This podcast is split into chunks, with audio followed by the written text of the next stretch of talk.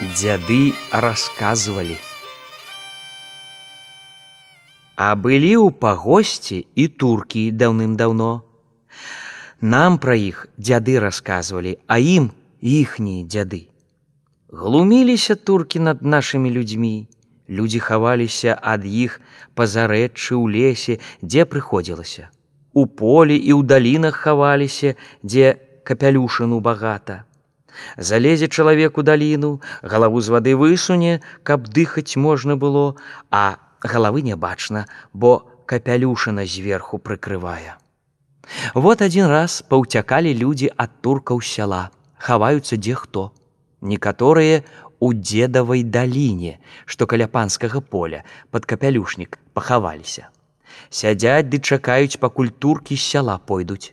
Аж нейкі чалавек ідзе па ўзберах, да па-нашаму нашых людзей гукае: « Куліна, Марына, хадзі, пайшлі! А ў вадзе якраз нека куліна і сядзела. Паверыла на гэты голас, вылезла да таго чалавека, мокрая ўся, падышла аж бачыць, што гэта турак, чорны з вусамі, шабляю, толькі ў наш адзенне пераадзеты. Уцякаць не пабегла, дагоніць ды да яшчэ засячэ, загадаў ён ёй у сяло ісці да свае хаты. Зайшлі ў яе хату, дык ён загадаў яду яму згатовіць ды вады багата нагрэць, каб яму памыцца. Запаліла яна печ, прыставіла там нешта, мо бульбу, мо крышаны, мо боршч, Бог ведае што. І вады яшчэ ў вялікім чыгуне прыставіла, як турак і загадаў. Агонь у печы гарыць, у чыгунах ды гаршках вада кіпіць, нешта варыцца, а куліна каля печы стаіць.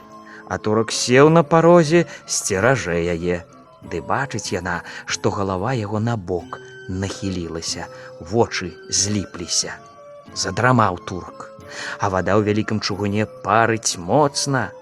Кулінна гэты чугун віламі з печы выцягнула, абматала шматкаю, узяла дзвюма рукамі, да як лінула кіпень на галаву, а парыла яго, дык ён і кончыўся.